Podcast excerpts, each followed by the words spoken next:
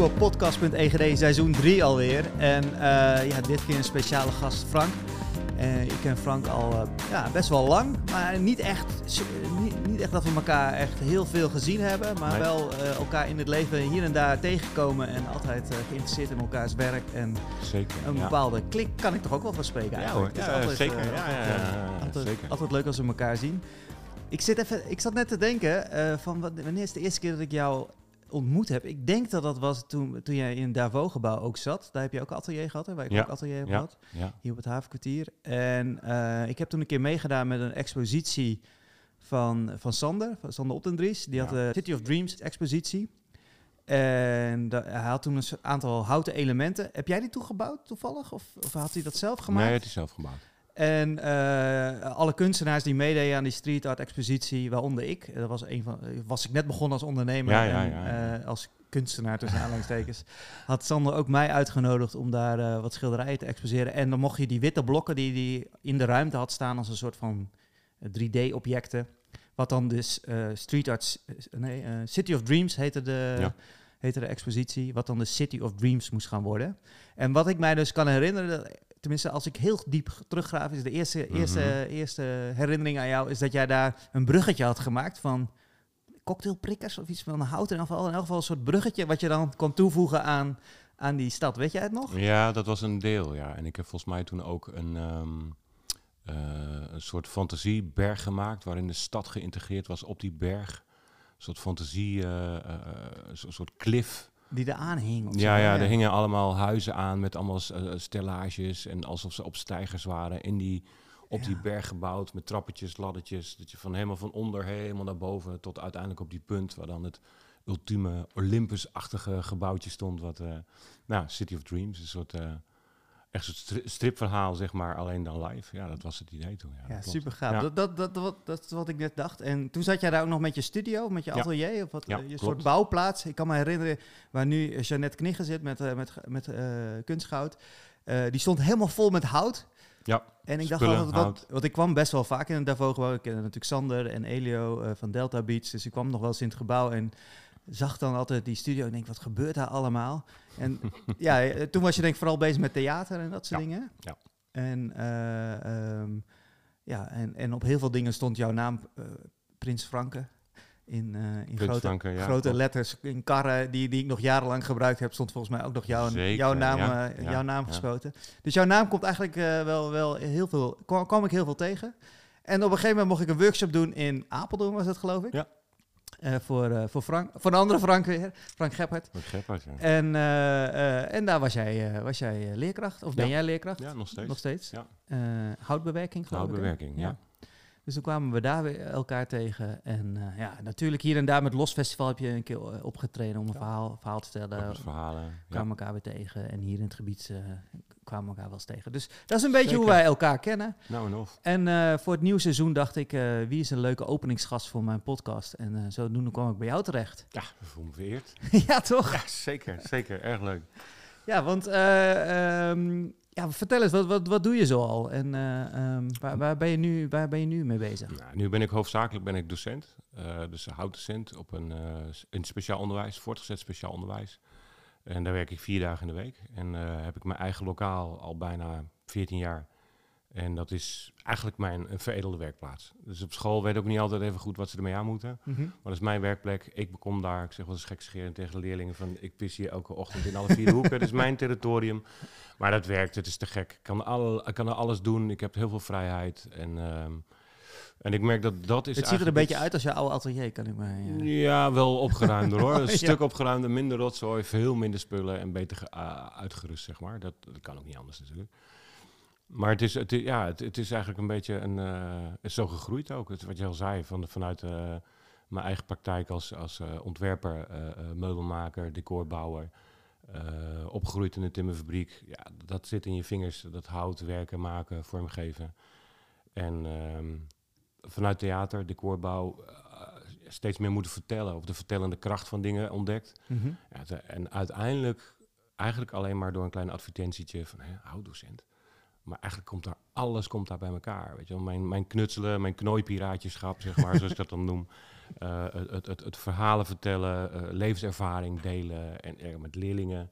En op zo'n manier had, heb je daar een prachtige plek waar ik eigenlijk alle aspecten van wie ik ben en wat ik zelf heel leuk vind, gewoon echt kwijt kan. Ja. Op die manier. Ja. En die, die, uh, die leerlingen mogen bij jou gewoon dingen maken die ze, die ze zelf bedacht hebben?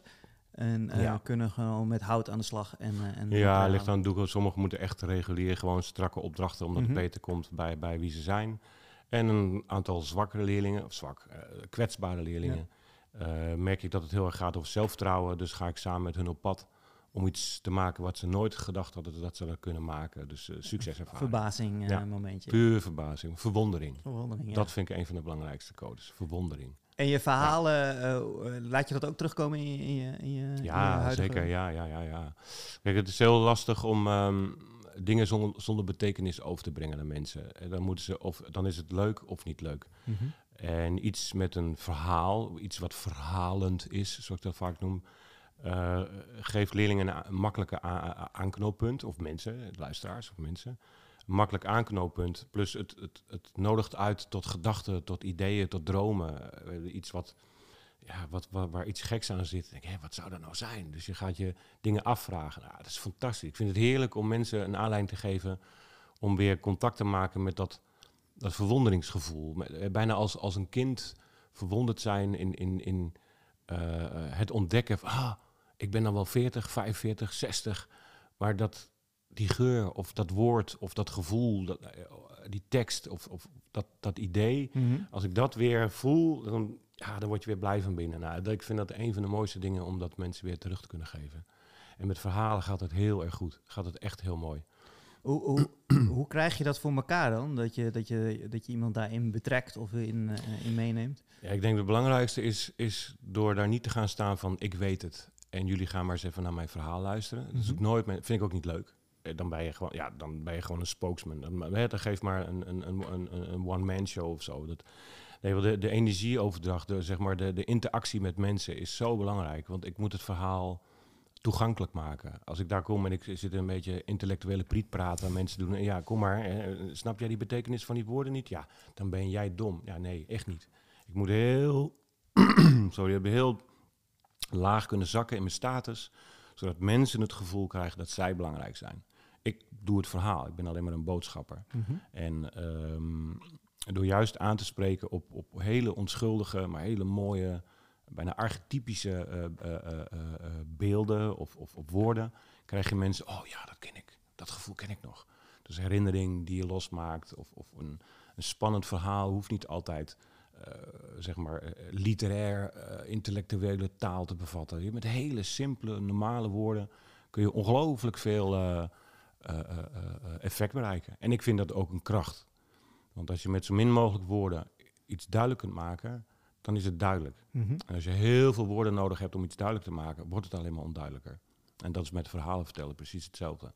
En vandaar dat het verhalen vertellen voor mij ook zo is blijven zitten. Ik zei al straks al tegen je van, en met verhalen vertellen begon ik in het begin en ik nam een kist mee. Ik gooide de hele bus vol met spullen, kostuums en attributen, een hellebaard, een, een, een piratenpistool, wat ik maar dacht dat ik nodig had om het verhaal te vertellen. Nou, dan ben je op een gegeven moment drukker met al die spullen dan met het verhaal. En dat is niet de bedoeling. Dus ik heb alles eraf gehaald, alles kaal, kaal, kaal. En ik kwam zelf gewoon als persoon en het verhaal moest doen, mhm. zonder iets dan ook. Nou, dat is voor mij wel echt een uh, hele mooie scholing geweest.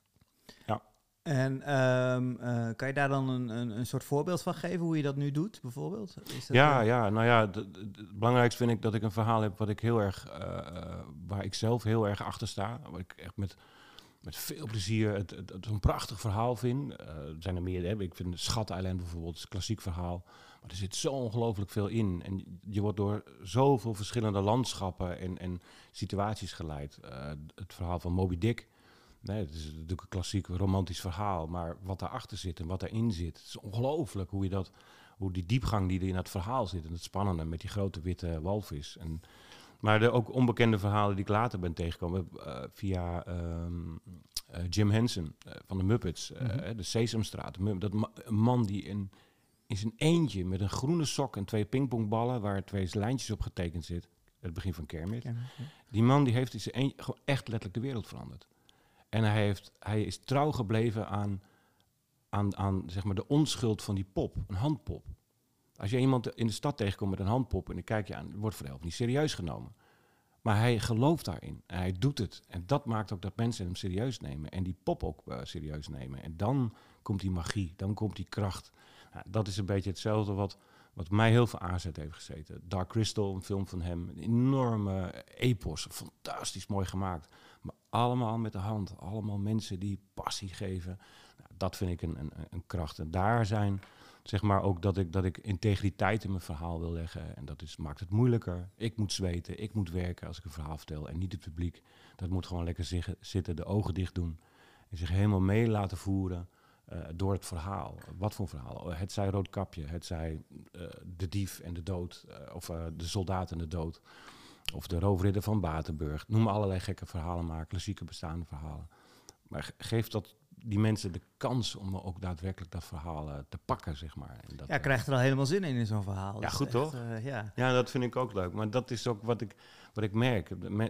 ik kies daar ook niet voor. Ik heb er nooit voor gekozen. Mensen hebben mij verteld, jezus, wat heb jij een fijne stem om naar te luisteren. Nou, als je je eigen stem hoort, denk je, ja, toch. Ik heb een hele rare stem. Maar ik, ik weet dat niet. En ik kan dat ook niet bepalen voor mezelf. Als mensen dat zeggen, ja, dan kan ik mensen niet serieus nemen of wel. Maar denk, ja, dankjewel, mooi compliment. Mhm. En dan blijkt dan met verhalen te vertellen dat je een drie kwartier, een uur mensen kunt boeien, van jong tot oud. Ja, wat ga je daarmee doen? Dan ga je niet zeggen van, uh, ja, ga nou niet hotel zijn en dat kun je niet. Nee, dan denk je, oh, te gek, dit is een geschenk. Ik, ik wil hier iets mee doen. Nou, en dan ga je daarmee verder, ja. Gaaf. Ja, ik, ik ben er echt, ik word ook heel gelukkig van. Dat is heel gek. Dat geloof ik. En uh, doe je dat dan uh, buiten? Of uh, um, is, is dat in een, in, een, in, een, in een theater? Of? Kan, ja, eigenlijk kan het overal. En dat is zo fijn aan een verhaal. Het verhaal kan overal vertellen. Als ik in een bushalte zit in een aanleiding, dan kan er een verhaal ontstaan. Maar mm -hmm. echt, echt het, het, vertellen als verteller kan het in een theater. Dan heb je weinig interactie natuurlijk met je publiek. een van de leukste dingen vind ik dat mensen mij vragen voor een klein privéfeestje. Met opa is jarig en die wil heel graag weer bepaalde ouderwetse... En dan zit ik in een huiskamer in de meest mooie stoel bij de open haard. En dan heb je een hele familie om je heen die allemaal zitten en staan. En het is zo'n intimiteit. Het is ook best intimiderend voor mij, want je zit daar en je moet je hele hebben. Alle ogen zijn op jou gericht. Ja, ja. Alle ogen, maar dat, daar zit je ook voor. Mm -hmm. dat, dat doe je dan ook. En um, ja, dat is zoiets prachtigs. Om dan een verhaal te mogen vertellen en die, die, enorme concentratie bij die mensen te voelen. Dat van jong tot oud, dat je eigenlijk weer als kind die laat vervoeren naar een wereld die niet bestaat. Nee. Of nog niet bestaat. Die, die in een fantasie gecreëerd wordt en die. Uh, uh, maar ook elk mens kan natuurlijk dat verhaal weer op een andere manier ervaren. Dat, ja. dat, dat vind ik ook altijd wel mooi aan een boek lezen of aan een, ja. uh, aan een verhaal luisteren. Dat, je, dat, je, dat, je dat, dat het alle kanten op kan. Dat is het ook. En ik denk dat het voor een deel de stijl van het verhaal is. En uh, wat de boodschap in heel veel, en dat zijn natuurlijk weer de klassieke verhalen. We hebben tegenwoordig, hebben wij, ik zal bij wijze van spreken zeggen van iedereen verzint wel verhalen. En als je een beetje bekend bent, dan, oh, dan verkoop je hem ook nog. Maar um, vroeger hadden verhalen natuurlijk een hele andere betekenis. Dus het begrijpen van je omgeving, het begrijpen van de wereld, het geven van lessen, het, het waarschuwen of hè, het belonen in allerlei het doorgeven. dingen. Ja, het doorgeven van, van, van uh, rituelen of, ja. of, of, van, van, van uh, bepaalde normen en waarden. Dat zit er allemaal in. Dus de boodschap was anders. En uh, dat maakt ook dat heel veel verhalen voor ons nu tegenwoordig niet meer acceptabel zijn. Te hard of, mm -hmm. of, of te onbegrijpelijk. En, maar als je die, die, die kern, dus de, de, de, de basisles van, ik een roodkapje, hè, dat, als je die basiskern hebt en die kun je overbrengen, ja, dan kun je daar alle verhalen van maken. Weet je, je kunt er ook kapje in drie zinnen vertellen, maar je kunt er ook anderhalf uur een verhaal van maken. Het ligt maar hoe, hoe diep jij in de details gaat. Mm -hmm. en maar als, het, als de kern van het verhaal, de basis, als die er overeind blijft staan, dan heb je de mens te pakken, zeg maar. Dat is wel een, uh, een belangrijk ding. En dat betekent ook dat je een verhaal moet bestuderen. Dat je moet weten van hoe zit dat verhaal in elkaar? Hoe loopt die lijn? En, en, want soms is het niet alleen maar van in het begin iemand gaat op pad. Hè, en dan, dan uh, gebeurt er iets leuks en ze leeft er nog lang en gelukkig. Nou ja, wat ik al zei, dat verhaal van de soldaat en de, en de dood bijvoorbeeld. Het is voor mij zo'n fascinerend verhaal. Want je wordt echt alle kanten op geslingerd. En het zijn bijna drie, vier verhalen in één, als je dat zo bekijkt. En dat is dus, zeg maar, wij kennen dat nog niet zo heel erg in Nederland, die, die, die verhalencultuur van verschillende verhalen. Daar maken we dan één verhaaltje van. Um, al die, ja, het, is, het is bijna een levensreis die, die verteld wordt. Met, met allerlei gekkigheid, uh, waarschuwingen die erin zitten, romantiek, uh, armoede, geluk. Vooral dat geluk, dat magie, dingen die lukken, dingen die gaan. Ja, briljant. Het is echt zo leuk. Ja, en altijd simpel beginnen. Dat vind ik, dat vind ik het leukste aan verhalen. Hoe begint zoiets dan? Nou ja, dat, het, het verhaal bijvoorbeeld, als ik dat voorbeeld neem van de, van de soldaat en de dood. Dus, uh, begint eigenlijk in een periode dat, dat de oorlog voorbij is. Eh, dus een periode van oorlog is voorbij en de soldaat die heeft zijn fortuin gemaakt uh, in de oorlog. Tenminste, wat hij aan fortuin kan hebben. En raakt dat hele fortuin kwijt. En gaat uiteindelijk uit, uit nood gaat hij weer terug. Wil hij weer terug naar huis. Heeft helemaal niks. Het enige wat hij heeft is een, is een goede humeur. En hij gaat op pad en hoort plotseling een, violist. Hoort hij ergens. En hij denkt, oh, dat is een leuk deuntje. En hij gaat meefluiten, maar fluiten kan hij niet. Zo vals als een kraai. En die man die stopt met spelen. Zegt, nou, dat is ook niet het fluitje wat het... Hij zegt van, ja, ja, sorry, ja, sorry, ik kan niet fluiten. En, uh, zeg maar even wat anders. Uh, ik, ik, heb, ik zit hier nou al de hele dag viool. Ik heb honger. En iemand, ja, ik heb drie koeken. Weet je, ik heb er drie genoeg, neem jij er maar één. En hij neemt dus, geeft die koek. En die man, nou, fantastisch. Je hebt er drie, maar je geeft er één aan mij weg. Dus dat kan niet onbeloond blijven. Zeg, weet je, jij verdient een beter fluitje. En dan gaan ze na een tijdje uit elkaar. En die soldaat begint te fluiten. En hij fluit plotseling echt het mooiste lied. Het is als een nachtegaal. Hoe komt dat nou? Hij kijkt achterom naar die man. Het zal wel, het zal wel. En hij gaat door en hij gaat door. En komt die man tegen die zit uh, op een krukje, zit hij daar op een kratje, zit die kaart te spelen. En dan een beetje de kaart, de kaart is. Nou, hier kom je met mij een potje kaarten. Gezellig, leuk, doe je fortuin. Ik zeg, maar ik heb geen rode rotcent. Zeg, ach, doe het voor de lol. Maar hij kan niet winnen, hij kan niet winnen. En die man op een gegeven moment, nou, we hebben aardig gespeeld, maar ik krijg wel aardig honger. En dan zegt van, ja, ik heb wel twee koeken, zegt hij, maar, eh, ach, weet je, wat doe ik moeilijk hier? Zegt hij, heb je een koek? Nee, dan deel ik gewoon. Je deelt de helft van wat je helpt, eh, hebt, deel je met mij. Dus dat is toch fantastisch. Weet je, hier, neem dat pak kaarten. En dat pak kaarten, kan ik je één ding vertellen, verlies je nooit. Zeg, oh, nou bedankt, het pak kaarten in de binnenzak. En dan loopt hij weg. En die man zegt, ho, ho, wacht even. Ik ben nog niet klaar, zegt hij hier. Weet je wat dit is? Het is een heel viezig oude jutezak, smerig, touw, dat is een sluiting. Dus wat is dat dan? Ja, dat is een, een jutezak. Kijk eens, alles wat jij zegt dat in die zak moet, gaat in die zak. En die zegt, oh, echt waar? Dat is een tof ding. Neem mee, zegt hij. Jij hebt het geluk meer nodig dan ik, hè, als oude soldaat. En hij gaat op wat met zijn fluitje, met zijn, uh, zijn zak en met uh, zijn pakje kaarten. En na lange, lange tijd uh, komt hij uiteindelijk bij een grote vijver. En ziet daar allemaal ganzen, dikke vette ganzen in zitten. Ah, laat ik eens proberen met die zak. Doet die zak open. Zijn eigen ganzen in de zak. En, en nou, gewoon drie dikke vette ganzen in die zak. En hij de zak op zijn rug. En loopt weer fluitend, loopt hij weer verder. En komt bij een herberg. En die herberg hier, die vraagt hem... En zo van, ja, je wil er overnachten, maar dat gaat je kosten. Zeg maar, doe je het ook voor een gans? Zoals als jij deze gans voor mij klaarmaakt, mag je die andere twee mag je houden.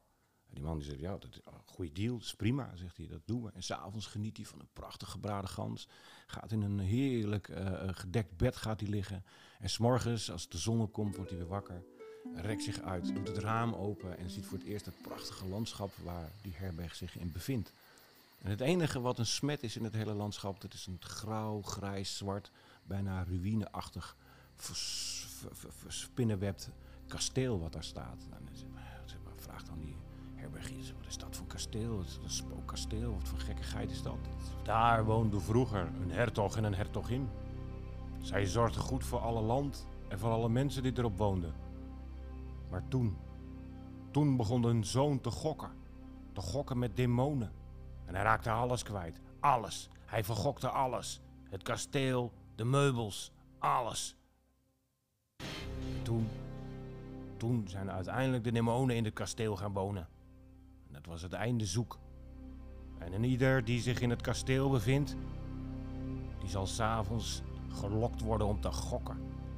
Om te gokken met de demonen, totdat hij alles, maar dan ook alles verloren is. Zelfs zijn ziel. Je raakt alles kwijt als je je aan de demonen overlevert. Ga er alsjeblieft niet naartoe, soldaat. Het betekent je einde. En die soldaat die krabt zich achter zijn oor. Die denkt, oh oké, nou ik ga eens een wandeling maken. En die soldaat die wandelt richting het kasteel. En begint te fluiten, fluit lekker, vrolijk fluitje. Komt in het kasteel en alles is kapot. En, en alles is door de tand des tijds aangefroten. En hij gaat daar in een grote hal, waar allemaal tafels en stoelen op zijn kop liggen. eh, brokken steen, troep, bende, gordijnen van de ramen af. Hij trekt een stoel, zit hij rechtop bij de tafel, veegt de tafel een beetje schoon. En gaat rustig aan de tafel zitten. Met zijn fluitje gaat hij rustig eh, fluiten en begint een kaartje te leggen. En hij wacht totdat het donker wordt. Dan valt de schemering in. En overal in het kasteel wordt gerommel, gerommel en hij wordt gegil en geschreeuw. En na nog niet een korte tijd zit de hele ruimte rondom de soldaat zit helemaal vol met kleine venijnige rode rotduiveltjes. Allemaal met hun bokkenpootjes, een staartje, en hoorntjes op hun kop en maar schreeuwen. Hé, wie hebben we hier? Wat zit hier? Hier is iemand. Hij heeft kaarten, hij heeft kaarten. We gaan gokken, we gaan gokken. En zitten rondom die tafel zitten er 15 tot 20 van die knalrode demoontjes. Allemaal schreeuwend op de soldaat. Nou, kom dan, gokken, gokken, gokken. En ze zeggen, ja, gokken, zegt de soldaat, dat wil ik wel. Maar wat eh, brengen jullie in? En twee, drie van die de, demoontjes, die halen grote kisten met goud, halen ze op, zetten dat neer naast die tafel. Zeggen, hier gokken wij mee. En de soldaat zegt, prima. En zei, wat leg jij in? Ik zeg, nou, wat willen jullie van mij? Je, je, je, ziel, je ziel. We gaan voor je ziel. Prima, we gaan voor mijn ziel en ik voor jullie goud. En zo gaat het de hele nacht door. Ze leggen kaarten. En elke keer wint die soldaat weer met zijn pakje kaarten. En die demonen snappen er helemaal niets van. Helemaal niets. We, proberen hier zo vals mogelijk te spelen als maar kan. Maar elke keer wint hij en elke keer lukt het weer. Hoe kunnen wij hier winnen? En dat kunnen ze natuurlijk niet door dat pakje kaarten. En aan het einde van de ochtend, als, als de ochtend komt, aan het einde van de nacht, begint langzaam de hele voorraad goud op te raken van die demonen. Tot zelfs het laatste goudmunt op tafel gelegd wordt en zij die verliezen. Jij bent een valspeler, je bent een rotzak, en wat ga je krijgen? En die zegt helemaal niks, jullie hebben verloren en de alles is van mij. En die demonen proberen hem te vechten en vast te pakken en op een of andere manier te vernietigen. Maar die soldaat, die begint te fluiten en alle demonen worden rustig van dat mooie fluitje. En hij grijpt een demon vast en ze zo. En nu wegwezen jullie allemaal. En alle demonen vliegen weg, hebben niks meer, zo pissig als maar kan. Maar die laatste, die wil ook maar, maar hij houdt hem vast. En zegt, jullie, jullie komen nooit meer terug in dit kasteel. Is dat duidelijk? Ja, dat is duidelijk, dat is, laat me nu los. En het demoontje begint zo hard te trekken, krak. En zijn pootje breekt af. En de soldaat zit daar in, helemaal in zijn eentje in die kamer aan die tafel. Met al dat goud om zich heen. En in zijn hand een klein rood bokkenpootje. Oké, dat is hem dan. Dat bokkenpootje. Hij gaat terug met het goud. En iedereen in het dorp is blij, want hij heeft de demonen heeft hij verjaagd. Hij gaat daar uiteindelijk wonen in het kasteel. Het kasteel wordt opgeknapt. Hij vindt een leuke vrouw, gaat trouwen en wordt uiteindelijk de kasteelheer. En ergens op de schouw in zijn kasteel staat onder een glazen stolpje staat een rood bokkenpootje. En alles gaat goed totdat de zoon van de soldaat, die nu kasteelheer is, ziek wordt. Hij snapt er niks van. Hij heeft heel veel geld, dus hij laat alle artsen komen. Iedereen moet komen om te kijken wat er is, maar niemand kan hem uitleggen wat er met zijn zoon aan de hand is. En hij staat uiteindelijk ten einde raad. En dan zegt een dokter, ja, de duivel mogen weten wat die jongen heeft. De duivel, denkt de soldaat. De duivel. En hij loopt naar de schouw, haalt het rode pootje onder de stolp vandaan. En hij zegt van, als jij je pootje terug wil, dan verschijn je nu hier. Tjef. Er verschijnt een demoontje, een rood demoontje, met één pootje. Hij zegt, ja, mijn pootje wil ik terug. Ik wil mijn pootje, wat moet ik doen, moet ik doen? Nou, zegt hij, mijn zoon is ziek. En niemand weet wat er met mijn zoon aan de hand is. Kun je weten wat er met hem aan de hand is? Gaat hij dood of gaat hij niet dood? En de demon die kijkt naar die zoon en oh. Hij kijkt zegt, heb jij van mij een kristallen glas? Ja, natuurlijk heeft het. En de soldaat laat een kristallen glas aanrukken, geeft dat aan het demoontje. En de demon die loopt naar, de, lo- loopt naar een, een, een emmer water, haalt daar water in het, in het glas en hij tikt met zijn vinger ting, tegen het glas. En begint door het glas te kijken naar de zoon van de soldaat. Hmm, zegt hij, hij leeft. Hij leeft, zegt de soldaat. Ja, zegt de demon, dit is een bijzonder glas. Zeg, nu, ik heb het aangeraakt. Als jij daar doorheen kijkt, dan zul jij de dood zien. En er staat de dood achter het bed van jouw zoon, dan zal hij het overleven. Staat de dood voor het bed van je zoon, dan zal hij sterven. En hij staat achter het bed, dus je zoon zal leven. Oh, fantastisch, dankjewel, dankjewel. Hij, Wat heb je me ongelooflijk geholpen? En de demon, ja, en mijn betaling is, oké, hier. Jij krijgt je rode pootje terug. Maar dan wil ik je nooit meer zien. En ik wil het glas houden. Dat glas mag je houden, zegt de demon, als je mij mijn pootje maar geeft. En dan krijgt het pootje en verdwenen is de demon. Vrij van zijn vloek. En de soldaat, de kasteelheer, kijkt naar zijn zoon. Inderdaad, een week later wordt de zoon weer beter. En hij heeft zijn glas. Het is ongelooflijk, dat glas. En zo kan het gebeuren dat elke keer als iemand ziek is en niemand weet wat het is, dat de soldaat gevraagd wordt om te kijken wat gebeurt er met diegene. En bij de ene staat de dood achter het bed, bij de andere staat de ander voor het bed en kan hij er niks meer aan doen. En zo gebeurt het dat een aantal jaren later de koning van het land, iemand die die zeer hoog heeft, want hij heeft ooit als soldaat gevochten voor het land, dat de koning ziek wordt. En alle artsen in het land worden geroepen. En niemand die weet wat er aan de hand is met de koning. En dan denkt de soldaat, ik moet mijn plicht doen. En hij gaat op weg naar de, naar de koning en hij komt daar. Hij legt uit wat er aan de hand is. En dan vraagt iedereen, willen jullie de kamer alsjeblieft verlaten? Ik zal kijken of ik de koning kan genezen of niet. En hij staat daar, hij doet water in het glas. Hij ting tegen het glas en kijkt door het glas naar het bed van de koning. En de duivel staat voor het bed. En de soldaat schrikt, want hij weet dat de koning zal sterven. En daar staat de dood. En hij spreekt tot de dood. Dood, wat is dit? Dit is onze koning. Dat is een belangrijk man. Hij mag niet sterven. Hij, hij moet blijven leven. En wat kunnen we doen? Zegt van, nou ja, zegt de dood. Een dood voor een dood. Een dood voor een dood. Een dood voor een dood. Maar, maar als ik dan sterf, mag dan de koning blijven leven? Dat is een soldaat, dat is een eergevoel van zijn soldaat. Dat kan, zegt de dood. Dat kan. Dat kan. Dan is dat geregeld, zegt de soldaat. En inderdaad, een week later wordt de koning wordt beter. En de soldaat zit thuis te wachten op de dood. En in die avond wordt er geklopt aan de deur. En staat er een grote reizige gestalte voor de deur met een zwarte mantel om. En misschien wel een seis in zijn hand. En zegt, soldaat, soldaat die moet met mij mee. Is. En de soldaat die kijkt de dood aan. Je gaat. En begint koude voeten te krijgen. Denk, ja, en hij kijkt achterom. Hij ziet zijn mooie vrouw. Hij ziet zijn lieve zoon. Dit wil ik niet. En dan bedenkt hij zich. Ergens onder uit de kast trekt hij een oude, niets, niet uitziende jute zak met een touw als sluiting. En zegt, daar, dood, zie je deze zak? Jazeker, zegt de dood. Dan ga je daar nu in. En en de dood die schoot in die zak. Hij trok de zak dicht, knoop erin. En juichend, ik heb de dood gevangen in de zak. Ik heb de dood gevangen in de vrouw. Ik hoef niet te sterven. Ik, wauw. En hij neemt zijn paard en hij rijdt voor drie dagen. Rijdt hij over drie bergen. En uiteindelijk komt hij bij de hoogste top. En daar boven op de hoogste top staat een boom met een uitstekende tak boven het ravijn. En daar in die tak knupt hij de zak met de dood en gaat weer terug naar huis. En gelukkig als die is, niemand wordt meer ziek, niemand zal meer sterven. Dus de, de glazenwasser van, van het kasteel flikkert op de grond van van zijn ladder, maar blijft leven. En zo wordt iedereen gelukkig. Tot maanden later de man s'nachts, de soldaat s'nachts wakker wordt. En overal om zijn, om, om zijn kasteel heen hoort hij... Oh, gekreun en geklaag, geschuifel van oude voetjes. En als hij het raam open doet, ziet hij dat zijn hele tuin en binnenplaats vol staat met allemaal oude mensjes. Allemaal oude vandaag, die allemaal smeken om alsjeblieft te sterven. Hun tijd is gekomen, maar ze kunnen niet sterven. Niemand kan sterven. En de soldaat kijkt naar al die arme zielen, al die mensen die hem smeken om alsjeblieft gewoon de dood weer terug te brengen. Hij zegt, ja, maar ja, als ik dat doe, dan sterf ik ook. En al die mensen.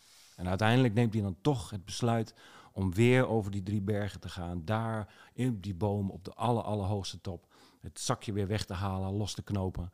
En uiteindelijk de, de, dood de eh, uit de zak te laten. En de dood die schiet uit de zak. En die kijkt die soldaat aan en zegt: Jij, nooit weer. nooit weer. En verdwenen is de dood. En alle oude mensen kunnen weer rustig sterven. Kunnen hun leven eindigen. En zo wordt het leven weer helemaal normaal. Tot uiteindelijk de oude soldaat steeds maar ouder wordt. Zijn vrouw wordt ouder, zijn zoon wordt ouder. Maar hij blijft maar ouder worden. Zijn vrouw die sterft, zijn zoon die sterft. Maar hij blijft maar ouder worden. En hij snapt er niks van. En hij schreeuwt, waarom word ik niet oud? En dan verschijnt de dood. Ze, omdat ik bij jou niet in de buurt kom met je rare zak. Ik ga nooit meer in die zak. Bekijk het maar. Ja, maar hoe dan? Wat moet ik dan doen? Ze zwerft maar de rest. En de soldaat, die zwerft en wordt eenzamer en ouder. En na honderd, honderden jaren zwerven en niet ouder worden, is hij het zo zat dat hij uiteindelijk op zoek gaat naar de weg om in de hel te komen. Is het geen hemel dan maar de hel? Wat kan me niet schelen? En hij komt bij de hellepoort. Hij klopt aan en een luikje gaat open. En er komt een klein rood demoontje uit. Die gelijk schreeuwt: Ah, dat is die soldaat met die gekke zak. Nee, weg jij, weg jij. Je komt er niet in. En die stond: Ja, maar ik, ik doe niks. Laat me nou. Eh, Ik wil de hel in of naar de hemel. Maar daar kom ik niet. Dus. En ze zei: Nee, laat je er niet in. Ze zei: Maar je herinnert je die zak toch? Als je daar niet in wil, dan laat me erin. Nee, je komt er niet in. Da- Dan wijs me de weg naar de hemel. En geef me honderd zielen mee om in de hemel te komen. Ja, alles is prima, alles is prima. Als je maar weggaat met die rare zak van je. En honderd zielen worden uit de hel bevrijd. En hij neemt hem honderd zielen mee. En volgt de weg die hij gehoord heeft van die demon om uiteindelijk bij de hemel te komen. En als hij dan bij de hemel komt, staat hij daar. En hij vraagt een man om samen met hem bij de hemelpoort. Zegt van, we gaan de hemel binnen. En zegt van, jij mag niet naar binnen. En de soldaat die kijkt, zegt, hoezo mag ik niet naar binnen? Zeg, "J- jij bent niet gestorven. Ja, maar ik wil gewoon de hemel. Mijn vrouw is daar. Mijn, mijn kind wacht op mij. Ik wil naar binnen. Dat gaat niet werken. Je komt er niet in. En hij denkt, ja. En opnieuw weer die zak. En hij kijkt naar de man en zegt, neem die zak van me mee in de hemel. Eh, Als jij dan in de hemel bent, eh, dan moet je roepen, soldaat, zie je die zak? En dan zal ik vanuit hier, buiten de hemelpoort, in die zak gedwongen worden. En ben ik toch in de hemel. Wil je dat voor me doen? Ja, natuurlijk, zegt hij. Je hebt mijn ziel gered van de hel naar de hemel. Ik doe alles voor je. Zeg, ik zal het doen. En de man neemt de zak mee, gaat door de hemelpoort. En aan de andere kant van de hemelpoort zou hij dan de soldaat roepen om in de zak te verdwijnen. En de soldaat staat te wachten. Maar wat hij vergeet, is dat op het moment dat iemand de hemelpoort doorkomt, dat je dan helemaal weer gereinigd wordt. Niets meer weet en volledig onschuldig bent. Dus de man met de zak kwam de hemelpoort in, keek naar de zak, had geen idee wat hij daarmee moest. Legde hem in een hoekje neer en ging uiteindelijk zijn eeuwige leven beginnen. En jaren heeft de soldaat voor de hemelpoort gewacht, tot hij uiteindelijk de moed heeft opgegeven. En hij is opnieuw gaan zwerven. En als het goed is, en je komt ergens, kom je een oude man tegen die een beetje doelloos om zich heen kijkt en zwerft, dan zou dat zomaar die soldaat kunnen zijn, die nog steeds is op zoek naar zijn eigen dood.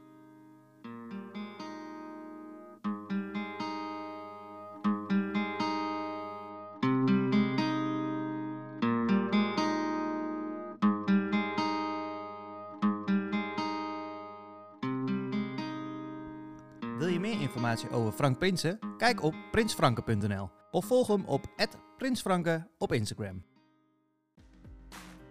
We hopen dat je ervan genoten hebt. Abonneer op de podcast.egd via je favoriete podcast-app of ga naar podcastegd.nl. Daar vind je ook de Boekengasten podcast en de Puntkast. En natuurlijk de Street at Streets in Deventer podcast met nog meer luisterverhalen met geluiden eronder eh, van de murals die we in Deventer gerealiseerd hebben met Street at Streets. Deze podcast is opgenomen in Punt in het Havenkwartier. We zijn weer van maandag tot en met vrijdag open met ons café met een lekkere lunch van 11 tot 5. En op vrijdag gaan we nog wat langer door met een daghap. Uiteraard kun je onze locatie ook weer boeken voor vergaderingen, bijeenkomsten of een podcast op te nemen in onze podcaststudio. Kijk op locatiepunt.nl en volg ons op @locatiepunt. Je kan mij volgen op @egbertegd of kijk op egbertegd.nl.